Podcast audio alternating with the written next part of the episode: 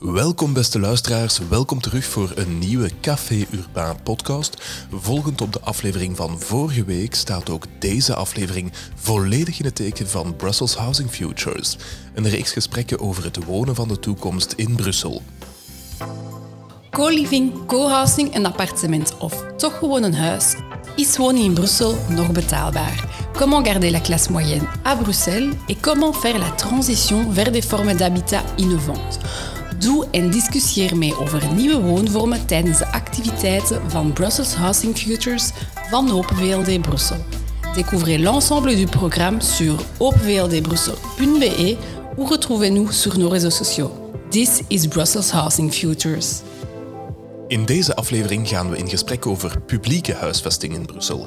Want niet alleen de private vastgoedmarkt staat onder druk, ook staan er ongeveer 50.000 gezinnen op de lijst van kandidaat-huurders voor een sociale woning. Vandaag bestaat er een discrepantie tussen het publieke woonaanbod en de veranderende woonnoden van de kandidaat-bewoners. Het sociaal-demografisch model van de Brusselse gezinnen is immers zeer specifiek en vereist een aangepast aanbod. Collectieve huisvesting kan ook hier steeds meer een volwaardig alternatief worden. Want laat ons niet vergeten dat de huisvesting een grondrecht is. Café Urbain. Café Urbain. Café Urbain. Stedelijk. Liberaal. Verhaal. Ja, welkom terug, beste luisteraars. Welkom in deel 2 deel 2 van Brussels Housing Futures podcast. Vorige week gingen we in gesprek over de private woonmarkt in Brussel. Mocht u deze gemist hebben, ga dan zeker eens luisteren. Deze week gooien we het op een heel andere boeg en gaan we in gesprek over sociale huisvesting, of zeg maar publieke huisvesting. En dat doe ik met eh, Carla de Jonge, die er eh, vorige keer eh, ook bij was. Welkom terug, Carla. Je bent natuurlijk Brussels parlementslid en jij volgt voor ons de commissie huisvesting. Um, daarnaast uh, gaan we aan tafel met OCMW-voorzitter in Ukkel, Stefan Cornelis. Welkom, Stefan. En vervolgens, uh, last not but least, Doreen Robben, Deputy Director General. Ik hoop dat ik het juist zeg, Doreen. Zeker, zeker. Bij BGHN.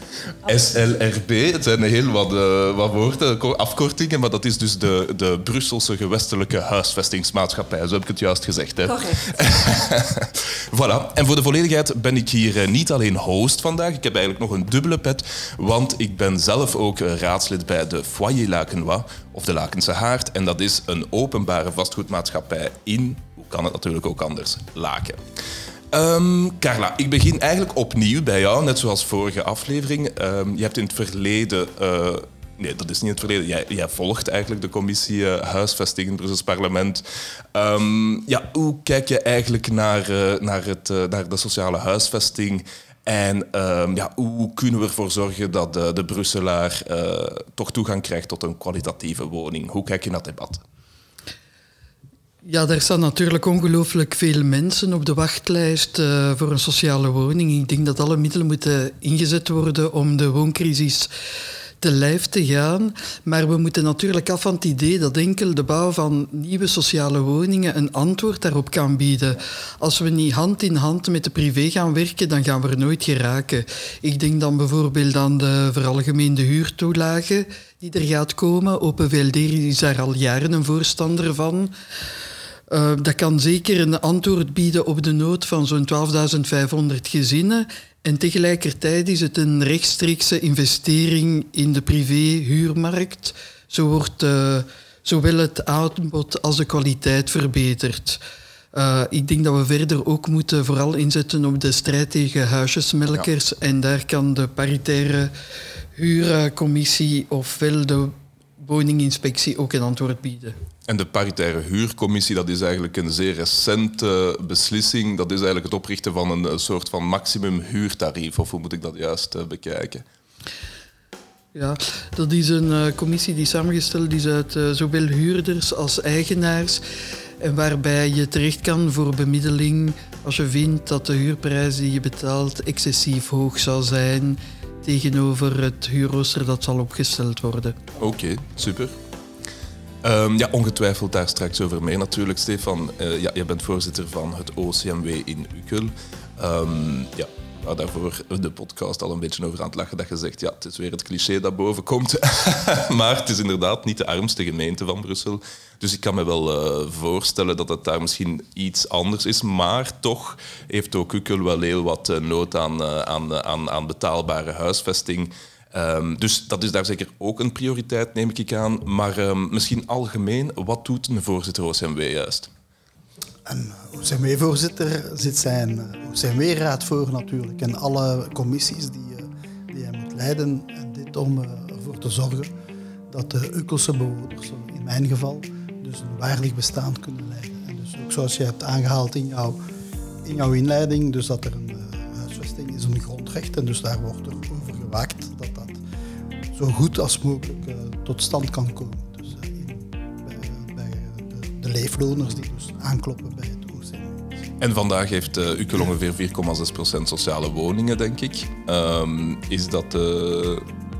Dat zijn dan puur de sociale woningen. Er zijn natuurlijk ook nog veel publiekswoningen die dan door de SVK's worden. Ja. Ik kijk ook een beetje naar onze deputy general manager die hier aanwezig is. Ik denk toch dat wij toch wel... Ik zag dat er een bestand was van duizend sociale woningen, of een beetje meer, dacht toch dat het wel meer was, want de Bienhome in der tijd had er al zoveel, dacht ik. Samen met dan uh, nu ABC, de coöperatieve. Dus voor zij die het nog niet wisten, er zijn wel degelijk uh, huisvesting, sociale huisvestingsmaatschappij in. Ah, toch? Nee, nee, grapje. maar Twee, u heeft daar hè? ooit... U heeft daar ooit en, uh, dat zijn, dat zijn groot, u heeft daar ooit over gezegd, in, in, in, een, in, een, artikel heeft u ooit, uh, heeft u ooit aangekaart. Uh, kijk, uh, Ukkel 4,6 procent, maar in een gemeente als Luke, Linkenbeek, die aan Ukkel grenst, zit, zit, er eigenlijk, uh, zit eigenlijk aan 0 procent. Ja, dat is en toch wel, ook 0 voilà. procent. Dus. dus. niet iedereen neemt zijn verantwoordelijkheid, dat is het eigenlijk. Inderdaad, eigenlijk zou je die verantwoordelijkheid over heel het land moeten nemen. Hè? Dus ja. wij weten allemaal dat ook jammer genoeg het Brussels gewest armoede aantrekt. En dat we een zeer grote emancipatiemotor zijn. Hè? Dus, uh, waarna dat de mensen dan eenmaal als ze goed geïntegreerd zijn en een beter inkomen opgebouwd hebben, dikwijls naar de rand vertrekken ja. of nog verder. En waar dat wij dan weer mogen herbeginnen met de mensen die toekomen en toestromen in het Brussels gewest. En ook in Ukkel. Ukkel is een zeer duale gemeente. We zijn dus een, we hebben een... inderdaad wel rijke fiscale vluchtelingen, maar we hebben ook heel veel armoede. Er zijn 6000 mensen die rechtstreeks of onrechtstreeks van het OCMW in Ukkel afhangen. We zijn een arrival city, dat zal ik zeker niet ontkennen. We komen er straks direct op terug, maar uh, ik wil toch even gaan naar, uh, naar, uh, naar als het over huisvesting gaat, dan moet ik natuurlijk ook wel even kijken naar Doreen. Um, ja, ik ben natuurlijk deputy CEO, ik heb het al gezegd, van de SLRB of BGHM. nog eens merci om hier aanwezig te zijn, Doreen. Um, we gaan ook weer even algemeen beginnen. Hè. Het BGHM, wat is dat juist en wat doet dat? Ja, goeiedag uh, Frederik. Dank je wel voor, uh, voor de vraag ook. Um, de BGHM, de Brusselse Gewestelijke Huisvestingsmaatschappij, wij zijn eigenlijk de voogdijoverheid van de 16 openbare vastgoedmaatschappijen in Brussel. En zoals uh, Stefan terecht aanhaalt, hè, inderdaad, er zijn eigenlijk twee grote openbare vastgoedmaatschappijen in Ukul. En wij zijn daar ook actief. Hè. Dus uh, wij bouwen en wij renoveren. Hè. Alleen vinden we daar niet altijd uh, nog heel veel beschikbare gronden om te bouwen. Dus dat is een beetje het probleem. En, en dat maakt ook, zoals Stefan eigenlijk zegt, van als je moet uh, gaan, gaan zoeken naar woningen, dan komen we eigenlijk vaak terug altijd op eigenlijk dezelfde gemeente zoals Anderlecht, die nog heel veel uh, terreinen ter beschikking hebben om daar gaan te bouwen. En wat we dus nu proberen te doen, is natuurlijk ook uh, gaan kijken om uh, reconversie te doen. Hè. kantoorgebouwen, leegstaande gebouwen opkopen hè, en die dus eigenlijk te gaan ombouwen tot woonunits. Dus voilà, dus de Brusselse gewestelijke huisvestingsmaatschappij, we hebben dus 16 openbare vastgoedmaatschappijen en wij zijn eigenlijk, we hebben een tweeledig systeem. Dus enerzijds zijn we een, uh, een voogdijoverheid, dus wij controleren die 16 openbare vastgoedmaatschappijen. Wij financieren die. Sinds uh, 2003 hebben we 2 miljard euro gekregen van de regering en wij functioneren als een bank en wij geven dus leningen voor al die renovatieprojecten die we dan uiteraard ook gaan controleren of alles in orde is op juridisch, technisch en administratief. Dus dat is eigenlijk de grote missie van uh, de BGHM. En daarnaast zijn we ook een echte actor. Een, uh, een actor, wij bouwen woningen. We hebben momenteel 80 bouwprojecten in de 19 gemeentes. Ehm, en dat is dus heel veel. Dat maakt ons eigenlijk de grootste projectontwikkelaar in Brussel. en, en dat maakt ook dat wij dus hele grote objectieven hebben voor 2024. Maar daar zullen we straks nog wel uh, op terugkomen. Dat klinkt alleszins wel indrukwekkend, moet ik zeggen. Uh, Oké, als bank had ik het nu nog nooit bekeken, dus uh, voilà, dat, dat, dat, verklaart wel al iets. Um, ik wil misschien even over de sociale huisvesting vandaag praten, hoe de situatie vandaag is in Brussel. Maar daarvoor zou ik misschien eerst even um, een stukje willen laten horen uit de Stad van de Toekomst. En dat is een samenwerking tussen Brus en ATV, dus Brussel en Amsterdam. En dat gaat over uh, sociale woningen. Betaalbaarheid is voor beide steden een grote uitdaging. Maar Amsterdam heeft wel veel meer sociale huurwoningen dan Brussel. In zo'n woning betaal je maximaal 752 euro per maand. Van de 190.000 huurwoningen is ongeveer 40% sociaal. Toch zijn er lange wachtlijsten, want als je in een sociale huurwoning zit, dan mag je daar blijven wonen. In Brussel is slechts 7% van alle huurwoningen een sociale huurwoning. De laatste 10 jaar, zijn 20 jaar, zijn woningen enorm veel duur, eh, duurder geworden. Dus het is uh, absoluut nodig, denk ik, dat wij als overheid meer gaan ingrijpen. Dat we huurprijzen uh, controleren en ook dat we meer publieke woningbouw zelf bouwen om op die manier betaalbaar wonen in de stad aan te bieden. In de Belgische traditie is publieke woningbouw helemaal niet zo sterk als bij jullie. Bij ons is 7 op 10 mensen in België is de eigenaar van de woning waarin ze wonen. Dus dit is een land van eigenaars, niet van huurders. Dus dat is ook een mentaliteit die zal moeten veranderen. Amsterdam gaat hard aan de weg timmeren de komende decennia. Ja, ik wou misschien even uh, daarop terugkomen, omdat ik wel uh, akkoord gaan met het, idee. En ik denk, uh, we hier allemaal aan tafel inderdaad, ja, het idee, het is gewoon zo, ja, een beperkt aantal uh, sociale woningen in Brussel. Maar ik heb toch een vraag eerst, uh, Doreen. Ja, we horen een, een, een tekort aan sociale woningen, maar zegt dat het, of toont dat eigenlijk het gehele plaatje? Want er zijn ook heel veel publieke woningen in andere structuren, bijvoorbeeld in Brussel-stad. 9% is sociaal, maar eigenlijk is bijna de helft uh, in het centrum eigendom van stad Brussel. Dus uh, zijn dat dan ergens een soort van, ik ga niet zeggen verdoken sociale woningen, maar toch sociale manier van wonen op een alternatief en zitten we daardoor eigenlijk op een ander eh, percentage? Of, of is dat niet waar? Nee, nee, absoluut. Dus eigenlijk kun je Brussel niet vergelijken met Amsterdam. Hè. Dat is een volledig andere markt. Zoals Christian Boret zegt, wij zijn een eigenaarsland. We hebben sinds uh, Wereldoorlog 2, heb ik denk ik terecht, hebben we ingezet op die eigendomsverwerving. Hè? Omdat dat eigenlijk de beste manier is om uh, een, een, wand te zijn tegen de armoede. En je kan Amsterdam absoluut niet gaan vergelijken met Brussel. Dus um, uh, dat gezegd zijnde, kan je dus eigenlijk die, die percentages niet gaan vergelijken. Omdat eigenlijk een, eh, een, een, professor aan de universiteit in Amsterdam ook huurt. En die behoort ook tot dat percentage. Dus wij hebben ongeveer 8% in ons aandeel. Maar als je dan uh, gaat kijken naar de stad Brussel, ik ken de cijfers niet helemaal van buiten, maar toch van enkele jaren geleden. Als je daar alles gaat optellen, uh, de grondregie en ga zo maar voort, dan kwamen we ongeveer op 18%. Ja. En dus er is een verschil tussen sociale en publieke huisvesting. Wij zijn enkel sociale huisvesting en dat betekent ook dat alleen mensen met een heel laag inkomen uh, toegang kunnen krijgen tot onze huisvesting. Ja, oké, dus dat is echt wel een, eh, een enorm andere manier van, uh, van, van naar het eh, debat te kijken. Dus eigenlijk wordt het debat ook een beetje fout gevoerd. Absoluut, ik denk dat wel. Ja, ik denk dat je...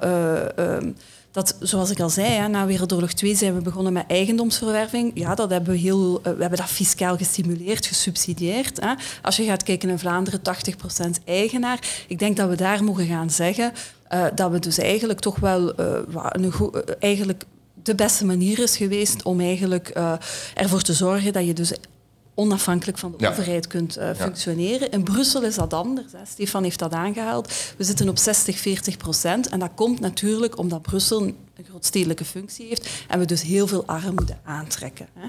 Maar um, het wil niet zeggen, omdat je arm bent of geen werk hebt, dat je eigenlijk geen woning kunt kopen. Want als je gaat kijken naar uh, uh, de mensen die een woning kopen bij CityDev, hè, dan zie je dat daar eigenlijk een heel groot percentage binnen de inkomenscategorie van sociale huisvesting valt. En ik denk dat we daar nog veel meer marge hebben om te gaan kijken van hoe kunnen we die mensen nu duurzaam gaan helpen. Dat kan via sociale huisvesting uiteraard maar dat kan ook via sociale koop.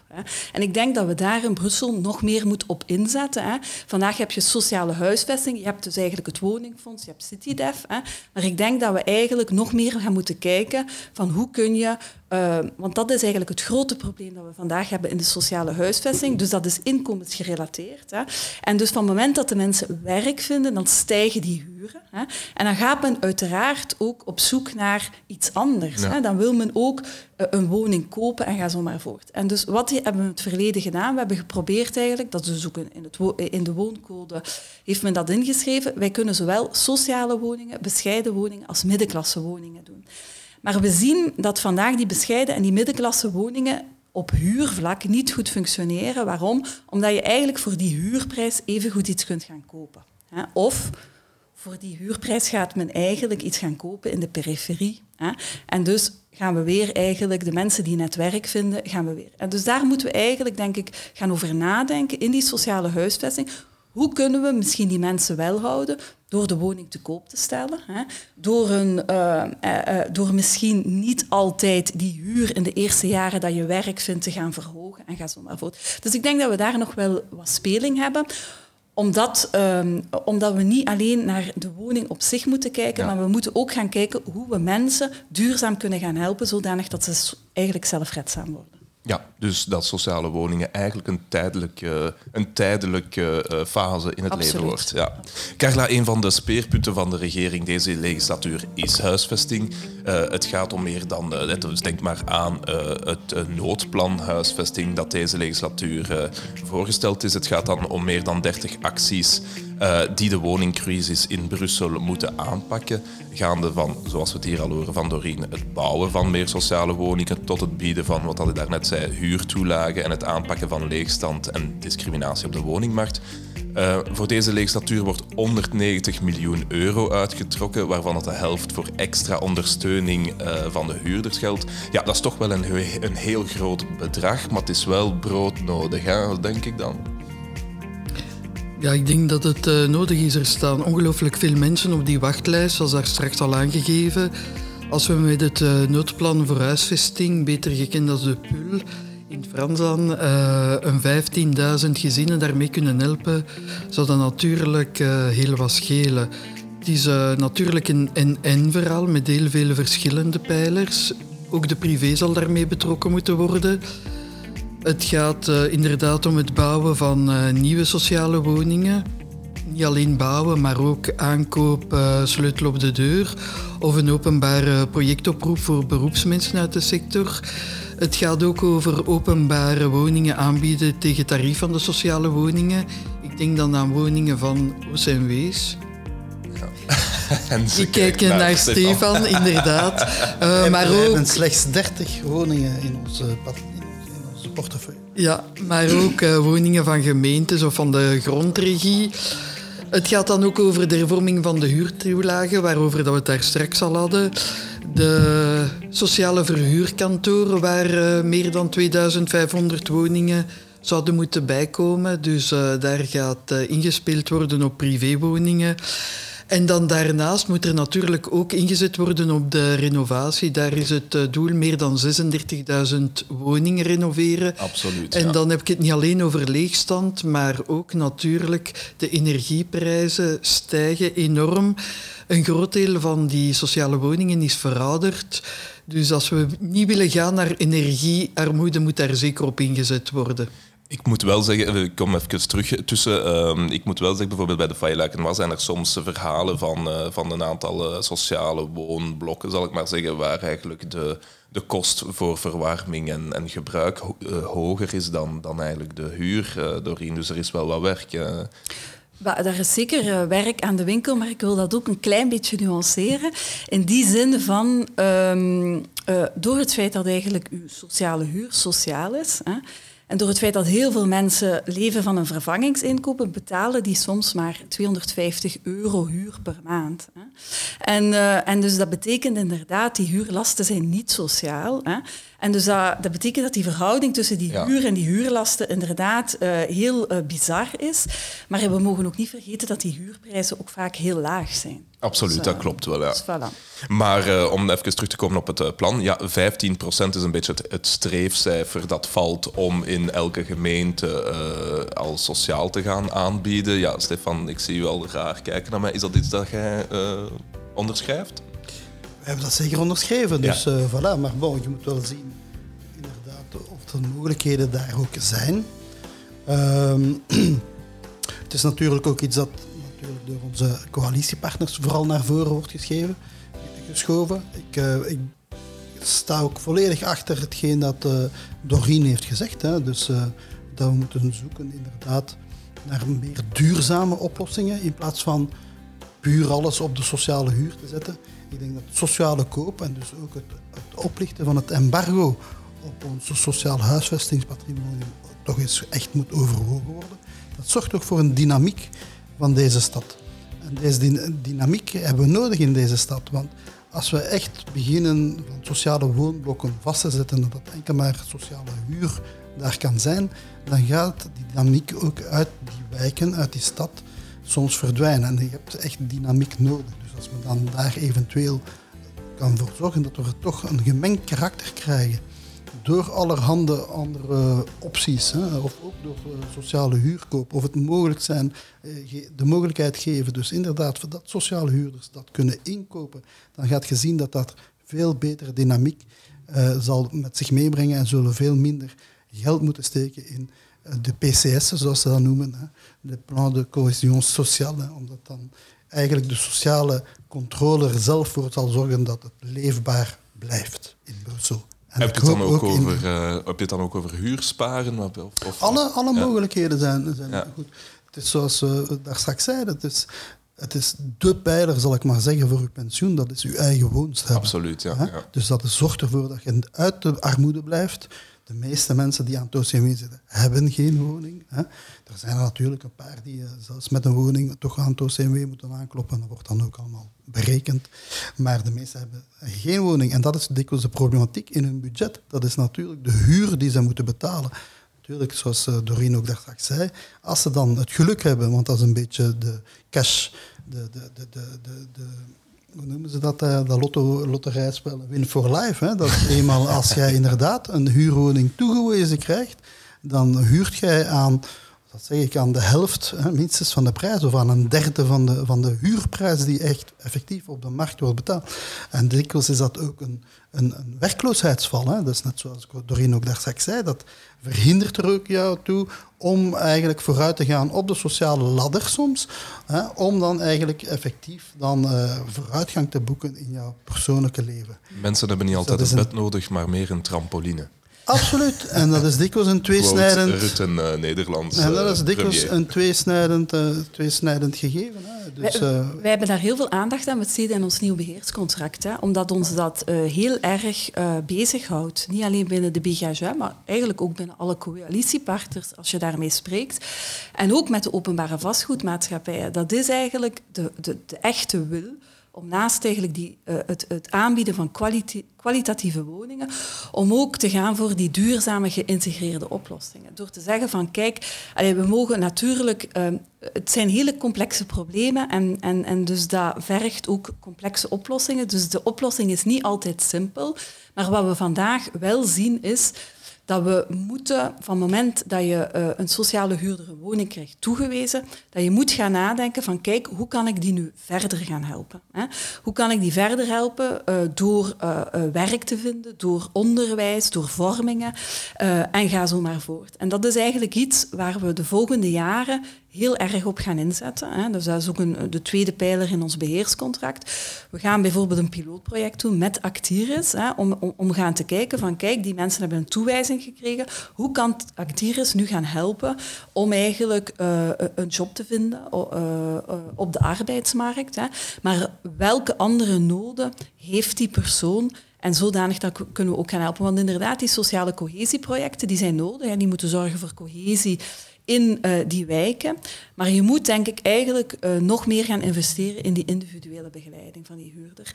Dus uh, omdat we ook, meent. Ja, omdat, omdat we eigenlijk ook merken, en, en vandaar dat we daar ook niet simpel over mogen doen, dat is dat dat mensen zijn met, met complexe problematieken, waar dat er niet op 1, 2, 3 een duurzame oplossing kan geboden worden. Die duurzame oplossing die komt er door een maanden, ja, maandenlang, jarenlange begeleiding door experten hè, uh, uh, die daar ook uh, voor betaald worden. En dus, dus voilà. Dat is een, een, een hele grote problematiek waarmee dat we vandaag bezig zijn om daarover na te denken hoe dat we eigenlijk dat echt in uitvoering kunnen brengen. Um, dat lijkt mij zeker interessant en ik denk dat dat een goede een objectief is. Ik ga misschien even iets laten horen. C'est dans la commune de Laken, au nord de Bruxelles, que se crée au lendemain de la Seconde Guerre mondiale l'un des projets architecturaux les plus importants de Belgique. Une cité de plus de 1000 logements sociaux qui se voulait un symbole d'égalité et d'universalité. Pour la petite histoire, les architectes choisis étaient deux flamands, deux wallons, deux bruxellois, trois de gauche et trois de droite. Une certaine idée de l'équilibre à l'époque. Une cité futuriste et un brin utopiste allaient sortir de terre. Ja, dat is een beetje een, um, een, misschien een grappig fragment, maar dat is eigenlijk een, eh, een uitleg over de modelwijk. Een modelwijk is natuurlijk uh, uh, een, een, iconisch project van de Foyer Lacenois in de jaren 58, die eigenlijk als het grote voorbeeld moest gelden van het toekomstige wonen voor, of toch de toekomstige, toekomstige wonen van de sociale huisvesting. Maar um, daar zitten we nu vandaag mee. We hebben vandaag enorm veel patrimonium die stamt vanuit die tijd. En misschien kunnen we ook wel eerlijk zeggen, een tijd die toch niet altijd even succesvol was op de kijk van, van sociale huisvesting. Vandaag moeten we die renoveren. Um, maar wat voor de toekomst? Wat gaan wij, hoe kijken we naar toekomstige projecten vanuit de uh, openbare woningmaatschappijen? wat is hun rol binnen tien jaar, Doreen? Wat zou je daarvoor kunnen zeggen? Ja, ik zou nog graag iets willen zeggen over de modelwijk. Ik weet dat inderdaad dat iedereen dat aanhaalt van goh, zo grote woontorens die hebben vandaag toch niet meer nodig. Maar als je gaat kijken naar de filosofie toen, dan was dat heel vooruitstrevend. En waarom werkte dat toen wel goed? Omdat er net een sociale mix was. De meeste mensen die in die sociale wijken leefden, werkten. Hè? Ja. En ik vind het eigenlijk uh, jammer, altijd en zelfs een steek in mijn hart, om te horen dat men die modelwijk aanneemt, terwijl dat eigenlijk dat concept vandaag in de modelwijk werkt eigenlijk nog vrij goed. Hè? Uh, dat is eigenlijk, we zijn bezig met de renovatie. Men heeft een, een, een, sociale mix, hebben we niet, maar we hebben wel een functionele mix. Hè. Dus er is een crash, het is een sociaal restaurant, het is dynamisch. De, de open spaces zijn heel mooi onderhouden. Hè. En ik denk dat dat concept wel nog werkt, maar dat je net moet gaan naar veel, naar veel meer sociale mix. En dat is eigenlijk ook wat die huisvestingsmaatschappijen vragen. Je moet, je moet verschillende, je moet werkende met werklozen kunnen uh, mixen om eigenlijk die duurzame wijk te creëren eerlijk gezegd, als architectuurfanaat uh, heb ik geen enkel probleem met de modelwijk. Uh, ik vind het een, pra een prachtig uh, project. ook een maar, heel goede ja. directeur die daar aanwezig was. Hè? Ja, dat, voilà. Die kennen, hè, die dat ook allemaal heeft in handen genomen. Van, van, Schoen, van, van Schoenbeek. Van Schoenbeek, ja, inderdaad. Een waar man binnen de sociale huisvesting en heeft dat echt hij heeft ervoor gezorgd dat die modelwijk functioneert, want daar is heel weinig vandalisme. Daar is wel... voor hetzelfde geld was dat inderdaad een catastrofe. Een catastrofe, dat is een feit. Maar hij heeft wel voor die geïntegreerde oplossing ge, uh, uh, gekozen en gevochten. Hij, had een, een, een, hij heeft een VZW gecreëerd met allemaal sociale assistenten die daar aanwezig zijn. Elke dag wordt dat patrimonium opgekuist. Er is een cultureel centrum.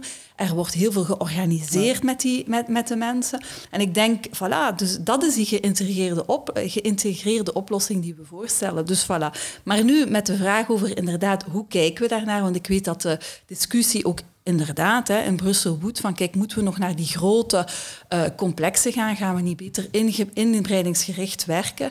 Kleine uh, uh, complexen van tien mensen, zodanig mixen met de buurt. Goh, dat is... Ehm, dat is eigenlijk een moeilijke, een, een moeilijke vraag. Hè? Dus uh, ja, dat is misschien altijd beter, maar aan de andere kant, uh, tien woningen bouwen op een stukje grond vergt evenveel werk en evenveel energie dan 50 woningen in één keer bouwen. Hè? Dat klopt, ja. Dus wat ik denk dat we moeten doen, en dat doen we eigenlijk steeds, en vandaar dat ik ook wel heel fier ben op die sociale huisvesting die we vandaag bouwen, dat is dat we eigenlijk altijd heel goed gaan bestuderen wat heeft die wijk nodig. Hè? Dus we gaan in een wijk bouwen, we gaan kijken wat heeft die wijk om ons heen nodig. We gaan altijd vragen aan de gemeente, hebben jullie een crash nodig? Hebben jullie gemeenschappelijke nodig? Een sociaal restaurant? En we proberen daar inderdaad die functionele en die sociale mix te creëren met mooie openbare ruimte die dan collectief is, om eigenlijk uh, al op een duurzame manier ons eigenlijk te gaan vestigen in die wijk. Dus ik denk dat we daar uh, trots op mogen zijn. Dus het gaat vandaag vooral over de surroundings. Niet alleen over de, de woonunit zelf, maar ook waar die zich in positioneert, buurt, uh, quartier, gemeente, stad, gewest eigenlijk. Ja. Ja, dat is interessant. Maar het gaat ook over de woning zelf. Hè? Want wij proberen met zo weinig middelen en uh, zo weinig mogelijk oppervlakte kwalitatieve woningen te bouwen. Hè? En ik denk dat wij daar wel in slagen vandaag. Dus uh, ja. ik kan daar heel veel voorbeelden over geven. Maar uh, een heel mooi voorbeeld wat we hebben is in Everen. Dat is het project Renoir dat uh, door uh, toch een befaamd architectenbureau gaat gebouwd worden. En dus die woningen, daar hebben we dus eigenlijk joker rooms in. Hè? Dus we hebben dus eigenlijk, omdat wij eigenlijk vrij klein bouwen, hè? dus wij bouwen heel vrij klein, dus gewoon de minimumnormen, hebben we er eigenlijk voor gezorgd dat in de, het gebouw zelf eigenlijk uh, ruimtes kunnen gehuurd worden hè, als men dat nodig heeft. Als familieleden komen, als er een klein feestje is en ga zo maar voort. Ja. En zo proberen we eigenlijk toch wat meer ruimte te bieden aan de mensen uh, die het nodig hebben. Dat is één aspect. Een ander aspect is dat wij voor bijna alle appartementsgebouwen collectieve tuinen voorzien waarin dat we uh, uh, moestuinen installeren, waarin dat we een speeltuin is en waarin dat we proberen de mensen die ruimte te laten toe-eigenen door middel van sociale cohesieprojecten, door middel van participatieprojecten en ga zo maar voort. Dus ik denk dat we daar uh, zeer fier op mogen zijn en dat dat heel vooruitstrevend is als je dat ook vergelijkt met Vlaanderen en Wallonië. Ja, super. Carla is er trouwens in, uh, in Sint-Pieterswoluwe een uh, sociale huisvestingsmaatschappij. Ja, hè?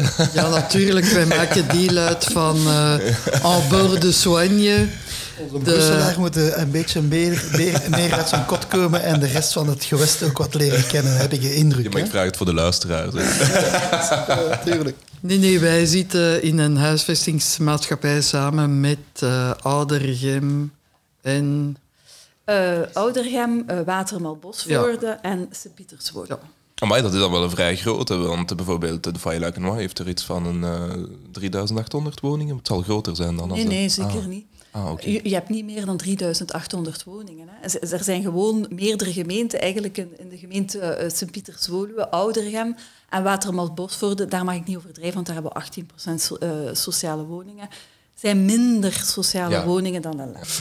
Um, maar um, Doreen, ik heb wel nog een vraag, want wat dat mij opvalt, bijvoorbeeld in, um, in, in, in Fayelaken was ik dat toch, en dat staat ook in het noodplan huisvesting, is dat er ondertussen al meerdere vastgoedprojecten bedoeld voor de middenklasse uh, nog tijdens de bouw worden overgekocht van de promotoren door de OVM. Dus dat is eigenlijk die sleutel op de deur uh, policy.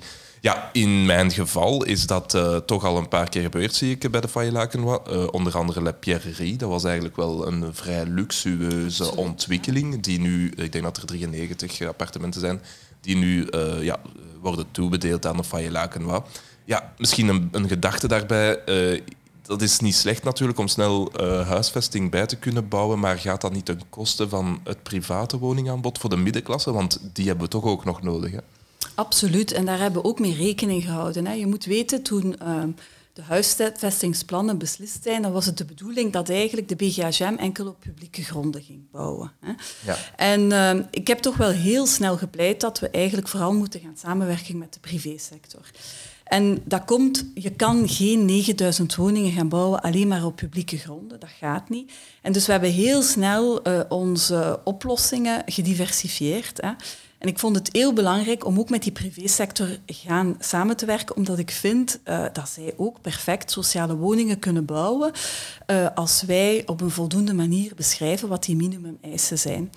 En dus uh, hebben we dus nu een heel gediversifieerd aanbod. Hè. Dus enerzijds bouwen we zelf hè, op publieke gronden. We hebben zelfs ook een, een project met Stefan, hè, Asselberg. Wij bouwen ook voor de gemeente, voor de OCMW's. Wij bouwen op onze eigen gronden. Wij kopen gronden op. Hè. En uh, daarnaast proberen wij op twee verschillende manieren te werken met de gemeente. Enerzijds de zogenaamde sleutel op de deur oplossing. Van het moment dat de vergunning valt, gaan wij die woningen opkopen. Of uh, onze design en build. Dat is eigenlijk net een, um, een, um, een overeenkomst of een, een, marché die we gelanceerd hebben, waarin dat we eigenlijk aan de privé vragen om ook op hun gronden te bouwen en van A tot Z alles te doen en over te kopen. Nu, toen wij dat hebben uh, bestudeerd en, en, en, gezegd van kijk, zo moeten we dat doen, ben ik uiteraard gaan kijken uh, welke impact dat, dat geeft op, op heel de bouwsector in Brussel. En dus je moet weten dat er uh, in Brussel, hè, dat Brusselse stedelijk gewest, ongeveer 4000 vergunningen aflevert per jaar. Daar zit zowel bouw als renovatie in. En als je dat doet maal vier, hè, want we moeten op vier jaar tijd 650 bijkomende woningen kopen, dan zit je, hè, maal vier heb je 16.000 vergunningen. En we moeten er 650 daarvan opkomen, dan zit je op 3, 4 procent. En dan denk ik dat dat vrij verwaarloosbaar is. De één vergunning gaat over een stadswoning en de andere vergunning gaat over een uh, grote woonblok van 20 appartementen of uh, 50 of 60. Nee, nee, het gaat over... Uh, ja, ja, dat is waar. Het gaat over alle vergunningen samen. Hè. Ja. Dus dat is, dat is een feit. Maar ik denk dat dat verwaarloosbaar is. Allee, verwaarloos, ik denk dat die impact miniem is, ik zal het zo zeggen. En daarbij komend uh, moet je ook weten dat als wij dat gaan overkopen van een privéactor, dat wij daar altijd een schattingsprijs uh, laten doen. Dus het is eigenlijk het, het gewestelijk die die prijs gaat schatten. En wij zullen ook nooit de schattingsprijs betalen. Uiteraard gaan wij discussiëren met die privéontwikkelaar. Uh, en wij gaan ook zeggen van kijk, wij kopen al die woningen in één keer. Je hebt geen commercialiseringskosten. Je bent zeker dat je geld krijgt. Je hebt geen financiële overbrugging nodig bij de bank. En dus uh, uiteraard ga ik hier niet alles uit de doeken doen. Maar wij slagen erin om onder die marktprijs, onder die schattingsprijs die kopen. En ik denk dat die twee mechanismes ervoor zorgen dat dat verwaarloosbaar is. Maar je hebt wel gelijk dat we dat heel goed in de oog moeten houden en dat we dat moeten monitoren. Ja, absoluut. Oké, um, ik wou misschien nog even uh, naar de toekomst van woonvormen zelf gaan, want daar hebben we het uh, de vorige keer en binnen het Brussels uh, Housing Futures wel natuurlijk vooral uh, over gehad. Um, misschien met een nogal clichématig uh, project dan, om ermee te starten, maar ik laat toch graag even, even horen uh, wat dat bijvoorbeeld dan kan, kan zijn. Al maanden droomt Johanna ervan een woning te vinden voor zichzelf, haar dochtertje Munia en haar zoon Sami. Ja, voor een alleenstaande vrouw met twee kinderen is het vaak een hele opgave om een deftige huisvesting te vinden in een stad als Brussel. Dankzij het co-housing project Calico is ze nu verhuisd naar een woning in goede staat en tegen een betaalbare prijs. Sindsdien springt ze elke zaterdag even binnen bij Marcel. Op zijn 84ste vormt het project Calico een keerpunt in zijn leven. Thuisverzorging laat toe dat hij kan genieten van een rijk sociaal leven en zijn tijd besteden aan zijn buren.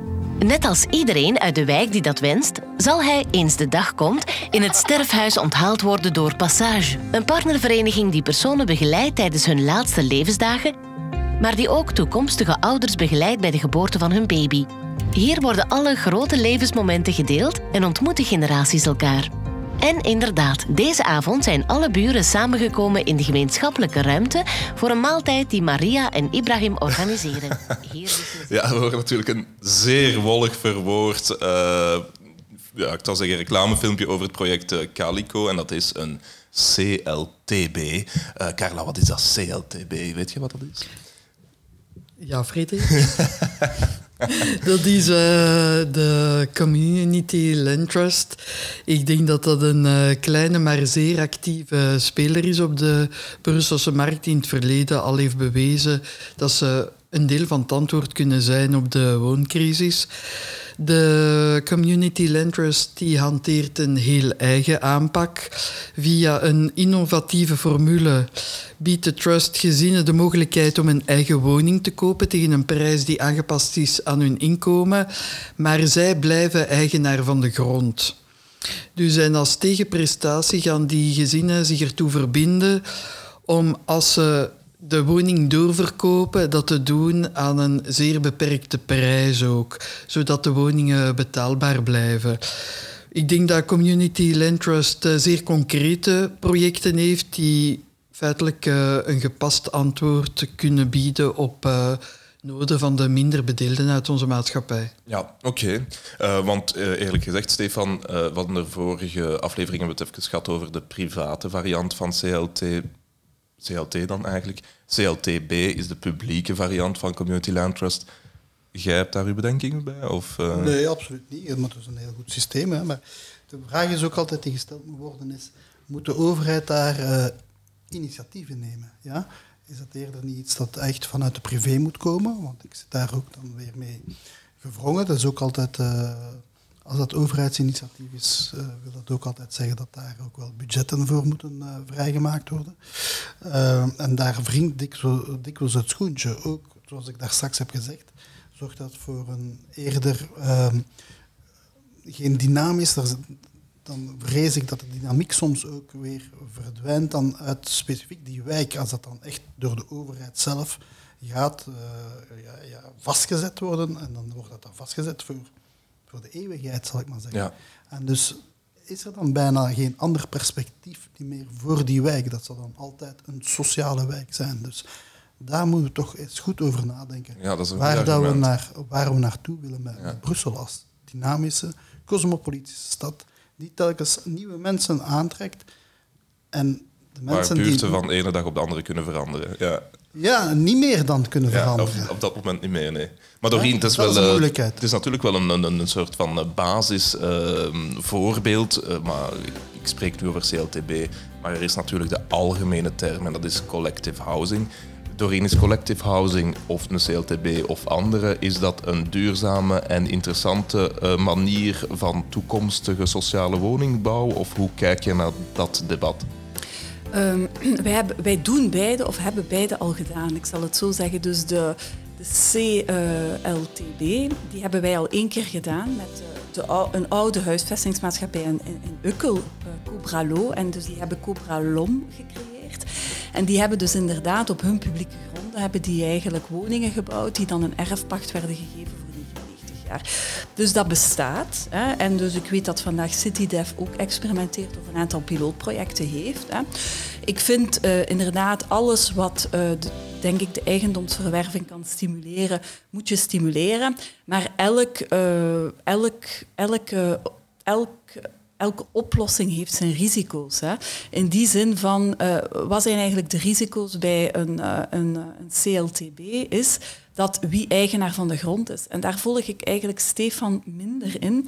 In die zin van, als die grond eigendom is van grote privé-eigenaars, dan gaan zij eigenlijk veel meer monopolie en macht krijgen. Hè. En daarvoor moet je een beetje oppassen, omdat we weten dat je die woning alleen maar kan doorverkopen hè, tegen index en ga zo maar voort. Ja, gaan, gaan die mensen daar genoeg in investeren om die woningen uh, goed te renoveren en ga zo maar voort. Ik heb dat heel snel uh, bekeken in Engeland, want in Engeland bestaat dat. En daar zijn toch wel heel veel neveneffecten. Hè. Je hebt hele grote landowners. Hè. Mensen, ik heb een vriend die nu in Engeland woont, kan geen woning meer kopen, hij kan geen grond verwerven, mm hij kan alleen maar dat huis verwerven. Dus dat is toch iets waar we, uh, waar we toch aandachtig voor moeten zijn. Hè? Uh, als je dat doet, maar ik ben absoluut niet tegen het systeem, omdat ik denk, weet je wat het belangrijke is voor mensen uh, die het moeilijk hebben en een armoede hebben, hoe dat je die mensen het beste duurzaam helpt, is dat die eigenlijk hun leven terug in handen kunnen nemen, dat die een zingeving hebben in hun leven, dat die trots zijn, dat die fier zijn, dat die kunnen deelnemen aan het maatschappelijke en ja. uw eigen waarde. En uw eigen waarde creëer je inderdaad als je een goede, kwalitatieve woning hebt en liefst van jezelf. Mensen zijn daar fier op. Ja. En, en, en dat is eigenlijk de reden waarom dat we ook naar allemaal verschillende oplossingen moeten gaan om mensen duurzaam te helpen. Nu, wat betreft collectieve huisvesting, wij hebben daar, allez, de Brusselse regering heeft in 2009 daar al een wetge wetgevend kader voor gecreëerd. Hè. De Brusselse wooncode voorziet collectieve huisvesting. En de BGHM, ik heb de cijfers nog eens opgezocht, we hebben in totaal 700 projecten lopen van collectieve huisvesting. En dat gaat over intergenerationele projecten, dat gaat uh, gemeenschappelijke woningen voor senioren en ga zo maar voort. En wat zien we daar? Dat dat eigenlijk um, ik heb dat uh, in, de, in de vorige podcast ook gehoord, dat zijn geen minder dure projecten. Hè. Ik wil zeggen, uh, die kosten ook geld. Maar wat je daar wel ziet, is dat je tegemoet komt aan bepaalde noden van bepaalde uh, doelgroepen. En dat gaat over uh, elkaar helpen, ervoor zijn. Je moet weten dat ook in de sociale huisvesting 40 procent um, families zijn van alleenstaanden. Hè? En als je dus inderdaad mensen kunt laten samenwonen, en ze kunnen elkaar samen helpen, dan denk ik dat ze ook al, al veel beter door het leven kunnen gaan. En op dat vlak zien we eigenlijk dat die collectieve huisvesting, dat die bij ons goed functioneert, maar dat daar een aantal voorwaarden aan verbonden zijn. Mensen moeten willen samenleven, je moet een charter ondertekenen, je moet bepaalde regels afspreken en ga zo maar voort. Maar ik vind het een, een interessante woonvorm voor zo'n een, een grootstedelijke stad als Brussel, waar eenzaamheid toch wel een belangrijk item is waar we oog voor moeten hebben. Ik wil misschien wel over de woning zelf een vraag stellen. Eigenlijk uh, bij Fayelaken was u dat ook. We hebben het er net over gehad, uh, de alleenstaande binnen de sociale huisvesting. Maar we werken toch ook, en dat is zeker bij nieuwbouwprojecten zo, er is eigenlijk vooral een bepaalde typologie die overheerst. En dat is het twee slaapkamerappartement. Ik zie dat bij de foyer ook. Uh, er is een enorme vraag aan grote uh, appartementen met meerdere slaapkamers. Of aan de andere kant ook weer die uh, studio's. Eigenlijk is dat um, vergelijkbaar met de private woningmarkt, waar we het vorige week over gehad hebben. Um, maar dus, een vraag aan, door, aan, u misschien, Doreen. Er is vandaag een gebrek aan grote appartementen of grote woningen voor grote gezinnen. Dat is ook zo, dat is ook zo, absoluut.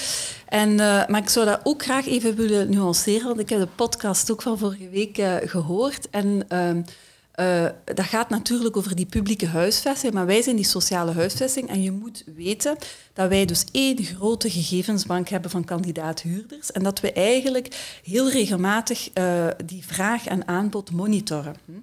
En dus uh, bij alle nieuwe woningen gaan we altijd eerst kijken op regionaal vlak wat hebben we nodig. En daar zijn dus eigenlijk minimum-eisen die ook ingeschreven zijn in de wooncode. Elk nieuwbouwproject moet minstens 30% grote woningen bevatten. Hè. En daarna gaan we eigenlijk vragen aan die sociale huisvestingsmaatschappij, wat heb je nog nodig? Ja. En dan hebben we bijvoorbeeld een heel mooi project in Ukkel ook, Homborgveld. Hè. Dat is eigenlijk een grote sociale wijk met allemaal grote woningen die eigenlijk onderbezet zijn. Hè. Dus waar uh, heel veel gezinnen wonen, maar waarvan de kinderen al verhuisd zijn. En wat zijn we daar nu aan het doen? We zijn in Homborgveld uh, op de site zelf en het densifiëren. Hè. En daar gaan we dus allemaal intergenerationele kleine units gaan bouwen, zodanig dat we eigenlijk de, de oudere mensen in hunzelfde wijk kunnen laten wonen en dus gaan laten verhuizen in die uh, seniorenwoningen. En dat is de grote gezinnen dan is eigenlijk ook plek, krijgen. En dan moet je gaan kijken, ik heb de cijfers even nagedaan, van de 2000 woningen ongeveer die we hebben bijgebouwd de laatste jaren, mag ik toch zeggen dat dat bij ons een derde, een derde, een derde is. En dat betekent een derde studio 1 slaapkamerwoning, een derde twee slaapkamerwoning en een derde uh, drie slaapkamerwoningen en plus. Oh ja, dat is wel een goede evolutie. Dus wij proberen daar absoluut op in te zetten, want we zijn ons daar ten volle van bewust. Oh, wel. Voilà. Uh, misschien tot slot um, heb ik um, uh, toch nog een, um, een, een, een, bepaalde afsluiter, zal ik maar zeggen. Of, of, tot slot zou ik nog willen afsluiten met de architectuur want we hebben het er voor de podcast over gehad. um, um, inderdaad, ik heb uh, bij de vorige aflevering gezegd dat ik het uh, wat jammer vond dat er zoveel witte crepie-blokken gebouwd werden. Ik heb mij een enorme lijst doorgestuurd met inderdaad heel mooie uh, projecten. Ik had het nu wel echt vooral over de CityDev. Hè. Maar inderdaad, ik ben wel blij om, om, om, om wat variatie te zien, om wat kwaliteit te zien. En ik moet eerlijkheidshalve ook toegeven dat, hè, mede dankzij u, in de modelwijk uh, de eerste geprefabriceerde woonmodules werden gebouwd voor sociale huisvesting. Um, dat is trouwens een unicum voor België, denk ik. Absoluut. Uh, en dat, dat project omvat eigenlijk de installatie van drie gebouwen uit, houd u vast, CLT. En nu zeg je, oeh, CLT. Nee, nee, CLT is natuurlijk in de architectuur Crossed Laminated Timber. En dat is een soort uh, bouwmateriaal die, die ervoor zorgt dat er heel snel kan gebouwd worden. Inhoud, dus duurzaam. dat is juist. Ja, ja, ja. maar um, nog, nog andere uh, experimentele bouwmethodes uh, voor de boeg? Of, uh, of hoe kijken jullie naar architectuur? Ja, ja, ja, ik heb het jou voor de podcast al gezegd. Hè. Dus we hebben ongeveer 50 architecten in dienst op de BGHM. Hè. Uh, Stefan zal denken van jullie hebben heel veel aangeworven de laatste jaren. Dat is ook zo. En ik kan jou verzekeren dat... Uh, Hoeveel mensen werken er bij de BGHM? 160 nu. Ah ja. Ja. Derde architecten dus. Ja. Daar kan niet enkel uh, dan goeds uitkomen. Ja. Absoluut. Dus, en dat zijn mensen met een ongelooflijk uh, maatschappelijk engagement en die ongelooflijk veel oog hebben voor de architecturale kwaliteit hè, en die ook impact wil hebben op onze stad. Hè. En ik denk dat ik met heel veel fierheid mag zeggen dat de PGHM dat wel heeft met haar projecten. En dat komt ook, maar dat is ook iets historisch aan uh, sociale huisvesting. Hè. Ik heb zelf geschiedenis gestudeerd en als je dat in de historiek gaat bekijken, dan heeft die sociale huisvesting altijd een heel innovatieve rol gespeeld op heel veel vlakken. Hè. Ook op de architecturale kwaliteit. Hè. En dus uh, wij, wij, wij besteden daar ongelooflijk veel aandacht aan. Waarom? Omdat wij eigenlijk uh, bijna nooit geen design en build doen. Dus wij laten eerst de architecten uh, creatief uh, gaan werken. Uh, met een duidelijk budget. dat is soms moeilijk, maar dat lukt. Hè. En ook met een duidelijke timelapse. Hè. En ik denk dat we daar hele mooie projecten uit, uit, voortgevloeid zijn. Dus qua kwaliteit zijn wij zeker. daar ben ik bezig. zeer blij om. Maar vanuit, ja. vanuit geschiedkundig oogpunt kan ik, dat, kan ik dat wel beamen. Want inderdaad, begin vorige eeuw zijn er prachtige sociale woningprojecten gebouwd. Floreal enzovoort. Ja. Dat, is, dat is natuurlijk wel echt inderdaad een feit. Um, ja, om tot slot dan, Carla, ik weet niet wat dat jij meeneemt naar het uh, parlement van dit gesprek, of dat je uh, ergens iets onthoudt. ik denk dat het noodplan voor huisvesting meer dan noodzakelijk was gezien de grote wachtlijst in Brussel is geweest. Ik heb wel begrepen dat begeleiding van de mensen in sociale woningen ook broodnodig is, niet alleen qua werk, qua onderwijs maar uh, de mensen ook duurzaam begeleiden, ook op sociaal vlak.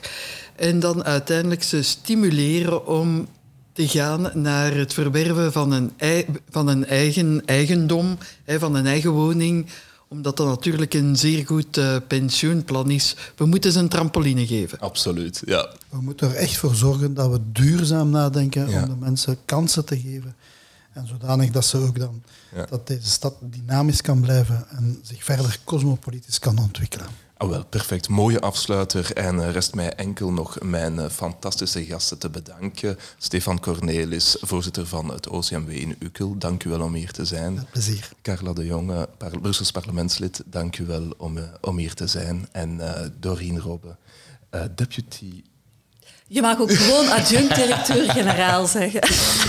Adjunct-directeur-generaal van de BGHM. Dank u wel om hier te zijn. Het was super boeiend. Um, dank u wel ook aan de luisteraars om er weer bij te zijn. Dit was onze tweede aflevering en ook laatste voor de uh, Brussels Housing Futures. Maar binnenkort hebben wij ook een debat op 14 december. Dat gaat door in Room 1000 en dat is eh, aan het kanaal. Eh, dat kan je vinden op onze social media. Dus eh, kom daar zeker eens kijken of luisteren en praat vooral mee over de toekomst van het wonen in Brussel. Dank jullie wel. Bye bye.